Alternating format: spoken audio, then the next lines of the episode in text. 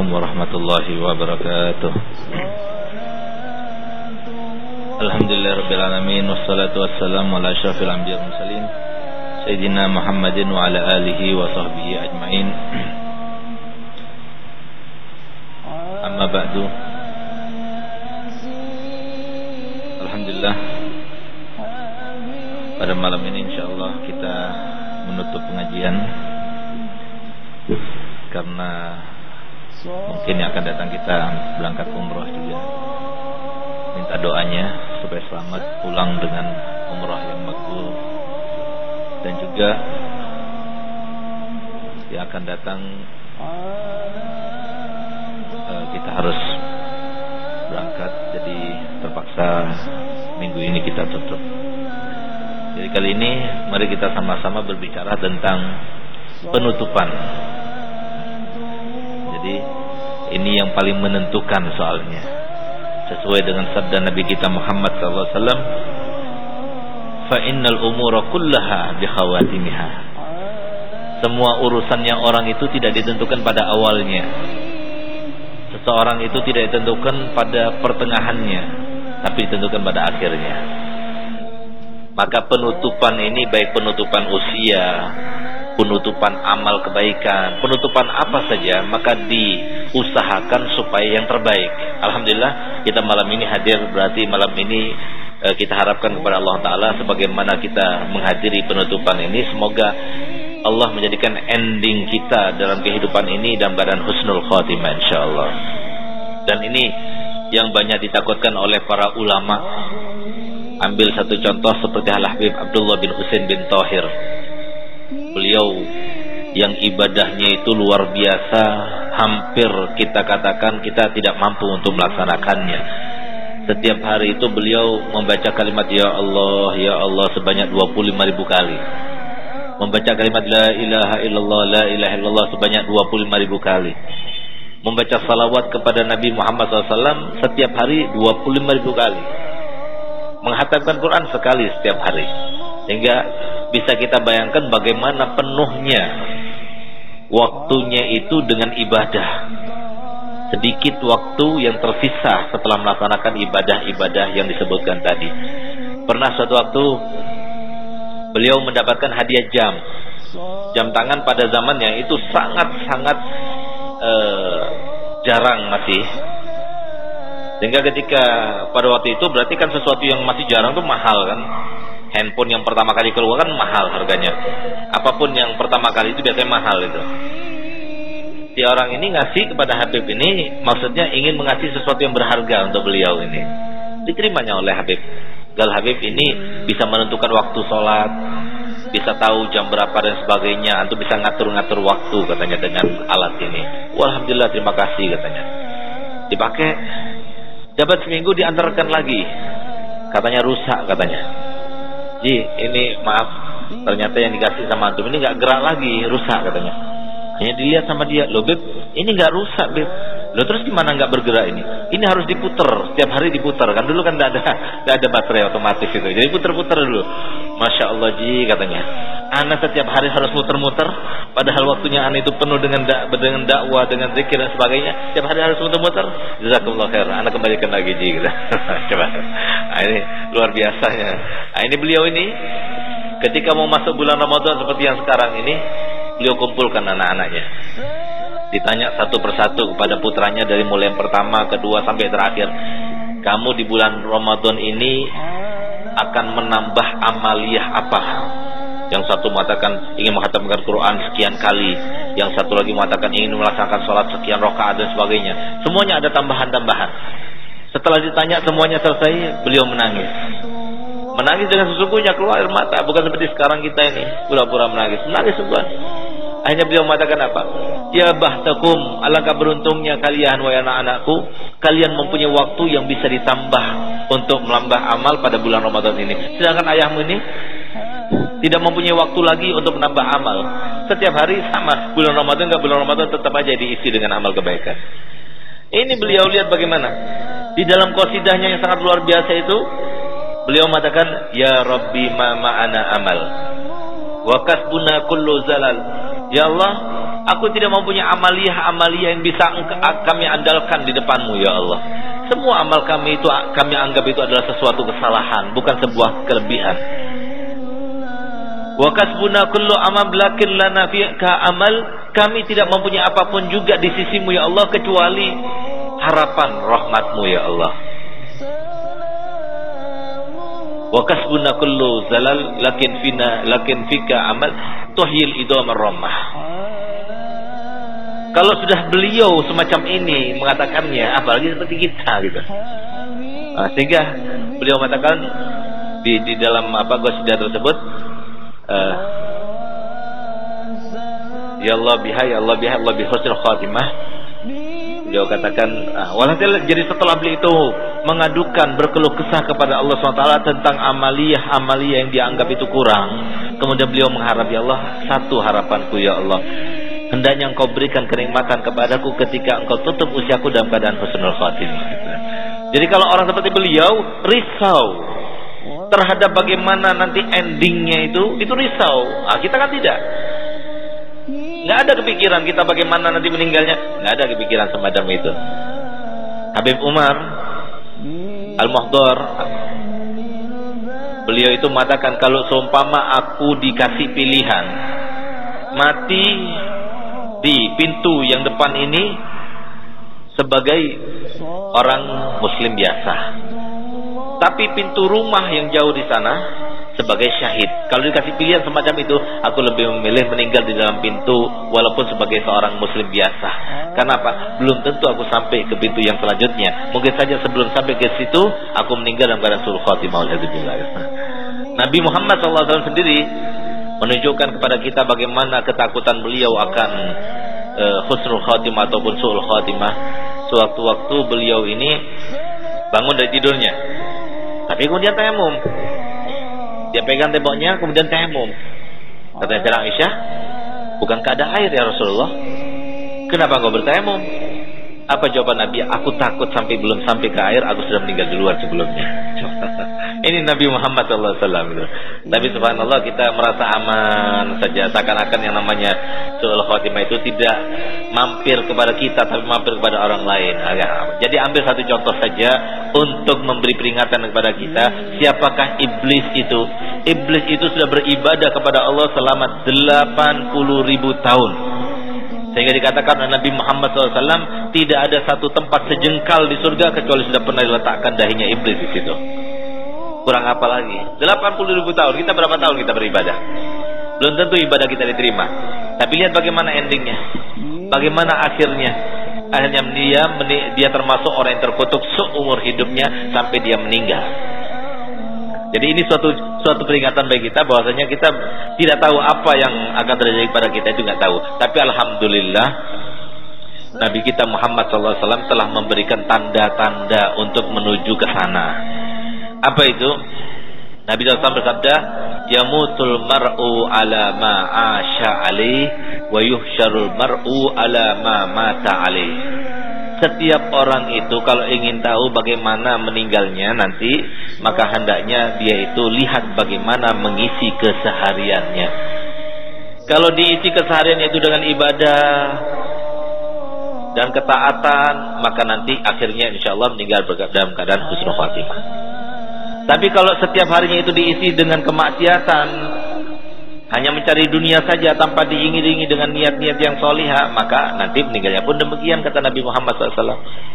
Sehingga lihat bagaimana banyak para aulia, para ulama itu yang meninggalnya dalam keadaan husnul khotimah yang kita harapkan. Semoga kita juga semacam mereka semuanya. Dan oleh karenanya jangan sampai kita pernah merendahkan suatu amalan kebaikan karena bisa jadi amal kebaikan itu menyebabkan kita meninggal dalam keadaan husnul khotimah. Ambil satu contoh di Bangil ini. Ayahnya Haji Hanif nih. Meninggalnya bagaimana? Tidak sujud. Masya Allah. Ini kan luar biasa gitu. Endingnya itu bagus. Akhirnya itu bagus. Nah ini yang perlu kita harapkan. Terjadi kepada kita semuanya. Jangan sampai yang terjadi kepada mereka-mereka ini Masya Allah. Berapa kali saya, dua kali saya pernah membaca koran. Ada kakek-kakek umurnya 72 tahun sudah kakek-kakek masih nggak tahu diri gitu. Ini namanya kakek-kakek tua keladi itu namanya. Apa yang dilakukannya? Pergi ke tempat lokalisasi. Tempat lokalisasi. Namanya juga sudah kakek, sudah tua, ada jantung lagi. Lagi berbuat begitu, pas di atas tubuhnya WTS dia meninggal dunia. Masuk ke dalam koran Jawa Pos. Mungkin kalau tidak salah itu tahun 2004 gitu. Lihat bagaimana malunya keluarganya. Di dunia sudah dipermalukan Allah Ta'ala. Bagaimana dia kelak di akhirat. Ada lagi satu sama kasusnya, cuma beda umurnya. Di mana ada satu orang kakek juga umurnya 54 tahun. Istrinya meninggal dunia. Dan dia ingin meniru tradisi anak muda yaitu ingin merayakan hari Valentine katanya. Akhirnya dia pergi ke hotel, disewalah seorang WTS. Kemudian dia pergi sebelum berangkat ke hotel, dia pergi dulu menyempatkan diri beli pil biru. Gak tanggung-tanggung karena dia sudah rencana sudah banyak di dalam pikirannya dia minum pil biru hampir dua sekaligus. Akhirnya subhanallah mungkin karena dia itu ada penyakit atau gimana atau langsung dua dosisnya terlalu tinggi, hanya lagi berbuat meninggal dunia. Nah, ini siapa yang bisa bisa menjamin kita itu tidak semacam ini? Ambil satu contoh lagi dan kita paham. Kita nggak ada yang bisa menjamin satupun di antara kita tidak ada yang dapat jaminan, nggak habaib, nggak kiai, nggak semuanya. Habaib itu walaupun mereka cucu Nabi SAW, mereka tidak ada jaminan sama sekali. Nggak ada jaminan mereka meninggal dalam keadaan suruh khatimah, nggak ada jaminan mereka masuk surga tidak ada. Cuma mereka itu sebagai makhluk Allah yang paling besar kesempatan mendapatkan syafaat Nabi Muhammad SAW. Berdasarkan hadis Nabi yang berbunyi, khairukum khairukum li ahli wa ana khairukum li ahli. Yang terbaik di antara kalian adalah yang paling baik kepada keluarganya. Kalau kita ingin tahu apakah kita terbaik di sisi Allah atau tidak, gampang saja. Lihat bagaimana keluarga kita kepada kita. Kalau mereka mengatakan engkau sebaik-baik ayah, engkau sebaik-baik suami, berarti kita adalah terbaik pula di sisi Allah. Dan aku kata Nabi Muhammad adalah yang terbaik di sisi Allah kepada keluargaku. Masa iya sih kata kata para ulama, Nabi Muhammad yang bersabda dengan hadis tersebut, Nabi Muhammad yang mempunyai syafaatul udma memberikan syafaat kepada umatnya semuanya sementara cucunya ditinggalkannya. Tidak, hasya wa kallah. Yang pertama kali akan diperhatikan oleh Nabi sebagai seorang yang berakhlak yang paling mulia, maka beliau pasti akan memperhatikan kepada keluarganya dahulu sebelum yang lainnya. Eh, jadi mereka punya harapan saja.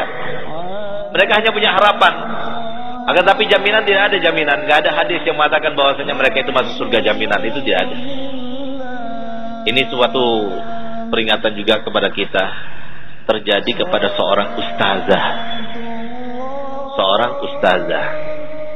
Di mana kejadian ini sekitar tahun 2004. 2004 masuk ke majalah Al-Kisah juga dia ini seorang ustazah yang punya anak satu perempuan. Makanya hati-hati kalau punya anak perempuan ini. Punya anak perempuan ini sebuah cobaan yang besar. Sampai-sampai Nabi SAW mengatakan barang siapa punya anak perempuan dua. Lalu dia baik dalam mendidiknya. Sampai dia kawin. Tetap baik pendidikannya. Tidak berbuat dosa, dosa yang besar. Maka aku bersamanya nanti kelak di surga seperti ini. Bersanding nanti di surga. Kenapa Nabi SAW mengatakan untuk anak perempuan kau bukan anak laki-laki? Karena menjaga anak perempuan untuk zaman sekarang apalagi itu luar biasa. Nah, saya lihat bagaimana ini yang terjadi pada ustazah. Dia punya anak satu-satunya. Masalahnya si anak ini disekolahkan di sekolah umum. Padahal ibunya sudah tahu dia jadi ustazah, dihormati orang, dimuliakan orang, gampang urusannya, berkatnya dia itu berkhidmat kepada Allah. Itu tidak diterapkan kepada anaknya. Harusnya seperti ayah saya almarhum Habib Hasan. Saya masih ingat waktu saya belajar dulu saya coba-coba bisnis di sedikit dimarahi sama beliau. Dia bilang nggak usah bisnis. Saya ini sudah pernah bisnis. Saya ini sudah pernah berkecimpung dalam organisasi. Saya ini sudah pernah berkecimpung dalam partai. Tapi tidak ada kemuliaan yang saya rasakan melebihi daripada kemuliaan sebagai seorang ustadz, seorang dai ilallah. Inilah yang anak pilih buat kalian semuanya. Jangan khawatir yang namanya dunia akan ikut kalian semuanya. Itu selalu dikatakan kepada anak-anaknya ayah saya almarhum. Nah, sehingga alhamdulillah sekarang kita rasakan sebagaimana ayah saya sudah merasakan, saya sudah merasakannya sekarang dan karena saya sudah merasakannya ini yang terbaik. Di mana-mana kita alhamdulillah mendapatkan kemuliaan. Yang namanya pejabatnya, gubernurnya, bupati menghormat kepada kita. Kalau kita datang ke daerah Masya Allah, mobil-mobil yang bagus itu rebutan untuk kita naiki. Alhamdulillah kemuliaan itu tidak didapatkan oleh eh, kemuliaan-kemuliaan lainnya yang berkaitan dengan dunia ini. Nah, oleh karenanya saya harapkan untuk anak-anak saya seperti itu juga. Gitu. Harusnya dia mengajarkan seperti itu kepada anaknya. Ini tidak. Dibiarkan anaknya belajar di sekolah umum. Dan ingat para hadirin, kalau anak kita itu hanya mengenyam pendidikan umum tanpa sedikit pun pendidikan, agamanya, maka siap-siaplah mereka itu akan menjadi musuh kita selagi di dunia sebelum di akhirat nanti. Kenapa demikian? Pakai akal kita, pakai logika kita. Kita punya akal untuk berpikir bagaimana kiranya mereka itu bisa berakhlak yang baik kalau tidak tahu. Bagaimana kiranya mereka itu berbakti kepada kedua orang tuanya kalau mereka tidak belajar. Semuanya itu ada di dalam ilmu agama. Tidak mungkin mereka bisa mengenyamnya dua jam dalam seminggu dua jam itu sekaligus sejarah sekaligus bahasa Arab sekaligus fikih sekaligus akhlak. Bagaimana mungkin dalam seminggu itu dua jam itu bisa mencukupi apa yang harusnya mereka ketahui? Tidak mungkin. Nonsen itu secara akal itu tidak masuk akal. Oleh karenanya sebetulnya mereka itu orang-orang di atas sana yang berperan dalam pendidikan atau yang duduk di Diknas maupun di Depak itu harusnya mereka itu sadar. Ini yang lebih dibutuhkan. Makanya Imam Malik mengatakan apa? Nahnu ila qalilin minal ilmi wa ila katsirin minal adab ahwaj. Kami ini lebih memerlukan kepada ilmu sedikit tapi akhlak banyak. Daripada ilmu banyak akhlaknya nggak ada. Nah sekarang kan kita tidak mikir semacam itu. Lebih kita pikirkan nanti ilmunya biar banyak, titelnya banyak, biar masa depannya terjamin. Tapi apa gunanya kalau akhlaknya tidak ada? Sekarang lihat bagaimana. Yang masuk ke dalam survei-survei itu mereka yang rusak dan sebagainya. Siapa mereka? Persentasenya itu besar mana dengan mereka yang ada di santri? Kebanyakan mereka yang di luar sana yang sudah mereka itu dikatakan fasik. Kenapa dikatakan fasik? Karena mereka sudah melakukan pacaran dan sebagainya. Itu dianggap tidak berdosa. Kalau sudah orang menganggap dosa itu tidak berdosa itu sudah fasik. Apalagi sampai berzina walauzubillah. Sampai-sampai katanya setiap lima remaja di Indonesia ini per satu orang dari lima remaja sudah pernah melakukan aborsi. Berarti apa? Sebelum melakukan aborsi berarti apa? Sudah berhubungan badan. Ini kan sesuatu yang sangat memilukan. Sebabnya apa? Kita sendiri orang tua. Makanya kata Nabi Muhammad SAW, Gal ya'ti 'alan nasi zamanun la yaslam li dinin dinuhu hatta yafirra min syahikin ila syahikin wa min juhrin ila juhrin. Tidak, nanti bakal datang suatu zaman kepada manusia yang tidak akan selamat pada zaman itu seseorang yang berpegang teguh dengan agamanya kecuali yang berpindah-pindah dari puncak gunung satu ke puncak gunung lainnya. Ke gua yang satu ke gua yang lainnya. Artinya apa? Puncak gunung itu tempat yang sulit untuk digapai oleh lingkungan yang rusak. Kalau sudah masuk, ya pindah lagi ke tempat puncak gunung lainnya. Masuk, pindah lagi ke puncak gunung lainnya. Gitu kata Nabi Muhammad. Itu baru selamat. Kalau nggak gitu, susah. Sehingga saya teringat pada guru saya Habib Zain bin Smith dari Madinah Al-Munawwarah ketika beliau itu datang ke Indonesia melihat bagaimana kondisi Indonesia ini beliau katakan kalau seumpama ada seorang anak sekarang ini dipantau oleh gurunya bukan hanya siang hari atau malam hari saja 24 jam dipantau terus dengan lingkungan yang ada sekarang ini masih kalah. Masih kalah.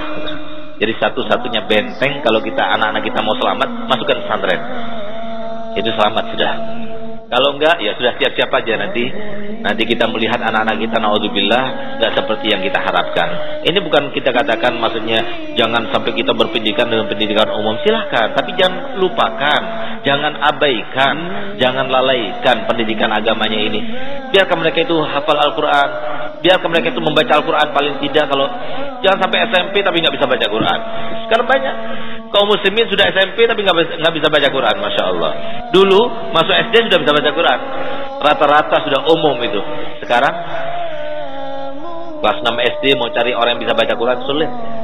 Ini yang terjadi di Bangil masih mending tapi daripada di tempat-tempat yang lainnya. Nah ini Ustazah ini berasal dari Bekasi. Dia punya anak satu perempuan sampai kelas 3 SMA ketika di SMA itu kenalan sama seorang laki-laki akhirnya tertambat hatinya. Kata orang remaja itu tertambat hatinya gitu. Terkena panah cinta katanya. Akhirnya cinta kepada seseorang senang kepada seseorang. Nah makanya di sini yang jadi korban itu kebanyakan perempuan. Perempuan itu beda sama kita. Kalau kita kan nggak serius. Makanya kalau laki-laki itu kebanyakan gombalnya gitu nah, perempuan itu kesian mereka itu disangkanya kita bagaimanapun itu dianggapnya serius padahal kita nggak serius nah, makanya saya katakan di sini mungkin ada perempuan yang dengar jadi ada senjata laki-laki ini kita buka rahasia laki-laki ini ini senjata laki-laki yang sangat ampuh. Tidak ada perempuan satupun walaupun cantiknya bagaimana kalau kita laksanakan empat tiga hal ini dia akan luluh juga. Yang pertama apa? Rayuan. Dipuji. Itu perempuan itu walaupun yang muji itu tukang beca, walaupun orang yang biasa sudah tua, kalau ada perempuan lewat tuh, masya Allah ini bocah cantik banget nih cah, masya Allah. Itu kalau dibilang begitu, oh, itu langsung telinganya itu udah kembang besar. Gitu. Pertama kali masuk ke rumah langsung lihat di kaca, oh iya betul juga ya, cantik ya gitu. Itu perempuan, walaupun berpendidikan bagaimana seperti itu. Jadi hanyut dalam rayuan, gampang sekali hanyut dalam rayuan. Padahal rayuan kita kan gombal gitu. Kalau untuk istri sih nggak jadi masalah. Makanya kata Nabi Muhammad berbohong itu nggak apa-apa dalam tiga hal. Di dalam peperangan untuk supaya siasat kita tidak diketahui oleh musuh. Kemudian untuk islah zatil bain mengaturkan antara dua orang yang saling bermusuhan, berbohong antara keduanya nggak apa-apa. Yang ketiga, yang terjadi antara suami istri. Kita katakan pada istri kita, masya Allah, istriku, aku tidak pernah melihat orang secantik kamu gitu. Maksudnya apa? Di kamar doang, di luar banyak gitu. nah, ini kayak gitu gak apa-apa gitu. Gak ber Kenapa? Karena e, rayuan gombal tapi untuk istri. Tapi jangan rayuan gombal pada orang lain. Ini yang terjadi banyak. Yang kedua perhatian. Perempuan mana sih yang gak suka diperhatikan? Dan perempuan mana sih yang tidak hanya dengan perhatian seseorang? Kalau sudah perempuan itu diperhatikan, masya Allah ini kurang sehat ya, sakit ya. Oh itu kok diperhatikan begitu, masya Allah itu. Jangan pun orang biasa, ustadznya kadang-kadang kalau dia perhatikan muridnya disalahartikan kadang-kadang, masya Allah. Padahal ustadznya sudah punya istri. nah ini. Nah, terus yang ketiga hadiah. Nah, jadi hadiah itu adalah senjata yang laki-laki. Oleh karena jangan gampang-gampang menerima hadiah. Biasanya kalau laki-laki yang ngasih, biasanya ada udang di balik batu gitu loh. Nah, jadi lebih baik jangan. Itu tiga senjata yang ampuh bagi laki-laki. Yang tidak disadari oleh perempuan ternyata itu adalah sebuah senjata yang ampuh untuk meluluhkan hati-hati mereka. Nah, oleh karena itu lihat bagaimana ini. Sudah tenang. Masalahnya laki-laki yang dicintai oleh anaknya si ustazah ini ternyata Kristen. Bukan agama Islam. Bagaimana hukumnya? Enggak sah. Perkawinan seorang muslim dan Kristen enggak sah, tapi sebaliknya ada hilaf seorang muslim kawin dengan dengan Nasraniyah, seorang muslim dengan Yahudiyah, masih ada khilaf. Nah, tapi kalau seorang muslim kawin dengan seorang Nasrani, laki-laki yang Kristen, laki-laki Yahudi, sama sekali tidak ada satupun ulama yang menganggap itu sah. Artinya apa? Kalau dipaksakan pernikahan itu, maka setiap hubungan badan dihukumi zina, anak yang dilahirkan dianggap anak zina, anak tidak sah. Akhirnya tetap dia minta sama uminya supaya restu. Bagaimana saya merestui? Saya ini adalah seorang ustazah berkomitmen dengan agamanya. Bagaimana saya merestui? Nggak sah nak. Setiap hubungan badan itu dianggap zina. Tapi lihat sekarang ini ada senjata ampuh yang terjadi yang dialami oleh anak-anak muda kita sekarang ini. Apa itu? Tatkala mereka sudah tidak disetujui kasih tahu kepada abahnya bah ini pacarku. Aku mau kawin sama dia. Nggak disetujui mereka punya senjata apa itu? Hubungan badan dulu sampai hamil. Kalau sudah hamil mau bilang gimana? Biar kita paham. Ini yang terjadi sekarang ini. Makanya sekarang ini Masya Allah sangat-sangat kita itu memilukan hati. Dikatakan di dalam riset yang ada sekarang ini, hampir dikatakan 46% anak pertama itu sudah anak zina. Alhamdulillah. Ini yang terjadi. Berapa banyak pernikahan yang terjadi setelah hamil di luar nikah.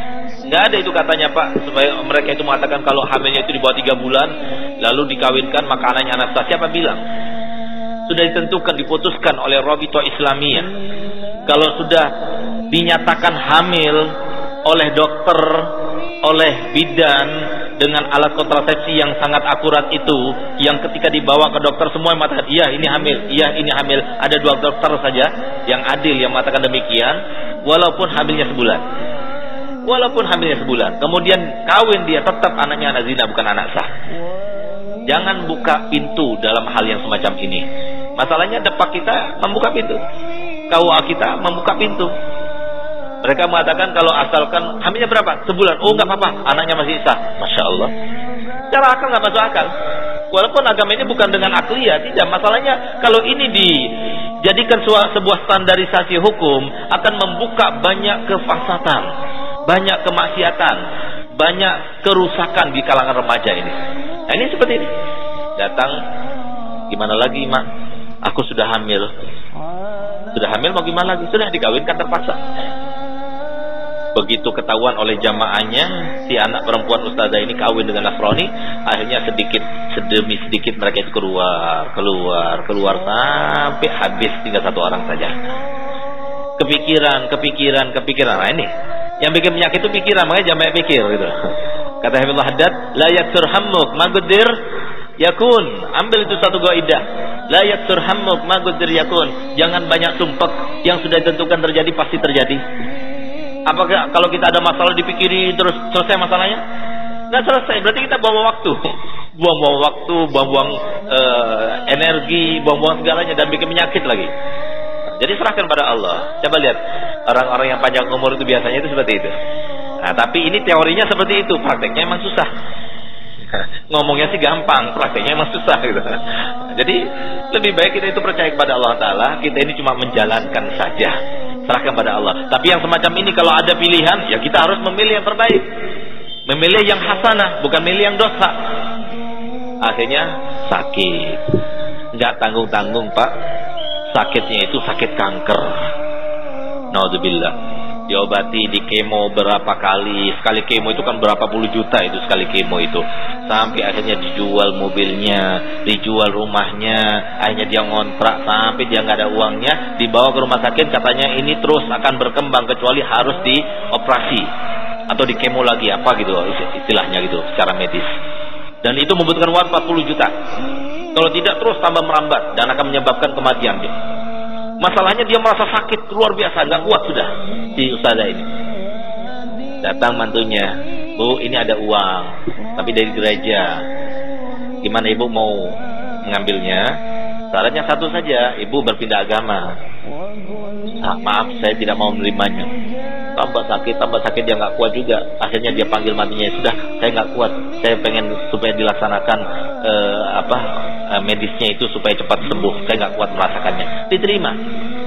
Begitu diterima uang 40 juta itu sebelum sempat dioperasi meninggal dunia.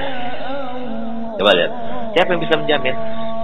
Kita mengajar setiap hari begini. Siapa yang bisa menjamin kita meninggal dalam tapi Alhamdulillah termasuk daripada rahmatnya Allah Ta'ala sedikit sekali orang yang baik kemudian meninggal dalam keadaan surah khatimah sedikit. Begitu pula sedikit sekali orang yang jelek kemudian meninggal dalam keadaan surah khatimah. yang yang banyak itu adalah orang yang jelek akhirnya baik itu banyak. Tapi orang yang baik akhirnya jelek itu sedikit. Itu termasuk daripada rahmatnya Allah Subhanahu wa taala. Sama seperti kalau kita kesandung, kira-kira mati apa enggak? Kesandung, mati enggak? Enggak mati, tapi ada juga yang mati yang jantungan itu kesandung yang mati gitu biasanya. Nah, tapi kan jarang. 100 orang kasusnya satu gitu loh. Nah, kalau seumpama kita ngeloncat dari lantai 27 kira-kira mati apa hidup? Nah, mati. Nah, kebanyakan mati, tapi kan ada yang selamat. Seperti kemarin itu ada orang bayi jatuh dari lantai 27, subhanallah jatuhnya di, di apa di bunga. Selamat. Nah, tapi kan ini satu juta satu gitu. Nah, itu di antara karma Allah Subhanahu wa taala. Oleh karenanya jadi kita tidak ada yang mengetahuinya bagaimana nanti ending kita dalam kehidupan ini. Makanya kita banyak-banyak melaksanakan amal kebaikan dengan niat harapan semoga kita meninggal dalam keadaan khatimah. Cinta kepada ulama. Nah, itu jadi sebab insya Allah kita dalam surah khatimah. Akhirnya kita minta kepada Allah Ta'ala semoga kita semua ditutup usianya dalam keadaan husnul khatimah. Sebagaimana kita pada malam ini hadir dalam penutupan ini semoga kita ditutup kebaikan ke umur kita dalam kebaikan. Umur kita dalam taat. Umur kita ketika bermunajat kepada Allah. Umur kita ketika kita husnudzon kepada Allah. Umur kita ketika memuncaknya keiman dalam hati kita. Ya Allah jadikanlah akhir daripada kehidupan kita di dunia yang fana ini Allah dalam keadaan husnul khatimah khatimah. Dalam keadaan husnul khatimah. Dalam keadaan husnul khatimah. Ya Allah jadikanlah apa yang kami minta ini bukan hanya untuk kami ya Allah. Untuk keluarga kami keturunan kami sampai hari kiamat nanti ya Allah. Dan untuk saudara kami semua kaum muslimin yang hidup saat ini di seluruh dunia ini ya Allah. Tutuplah usia mereka semuanya dalam keadaan husnul khatimah. Supaya kami mendapatkan kebahagiaan di kubur kami di alam mahsyar nanti. Ketika berada di depan hisab ketika berada di atas sirat ketika dimasukkan surga bersama Nabi Muhammad SAW bersanding dengan Nabi Muhammad ketika di pada mahsyar di belakang bendera Nabi Muhammad di bawah bendera Nabi Muhammad di dalam naungan Allah SWT berkat kami meninggal dalam keadaan husnul khatimah. Ya Allah biha ya Allah biha ya Allah biha khatimah. Ya Allah biha ya Allah biha ya Allah biha khatimah. Ya Allah biha ya Allah biha ya Allah biha khatimah. Wa sallallahu alaihi wa sallam Muhammadin wa alihi wa sallam. Walhamdulillah rabbil alamin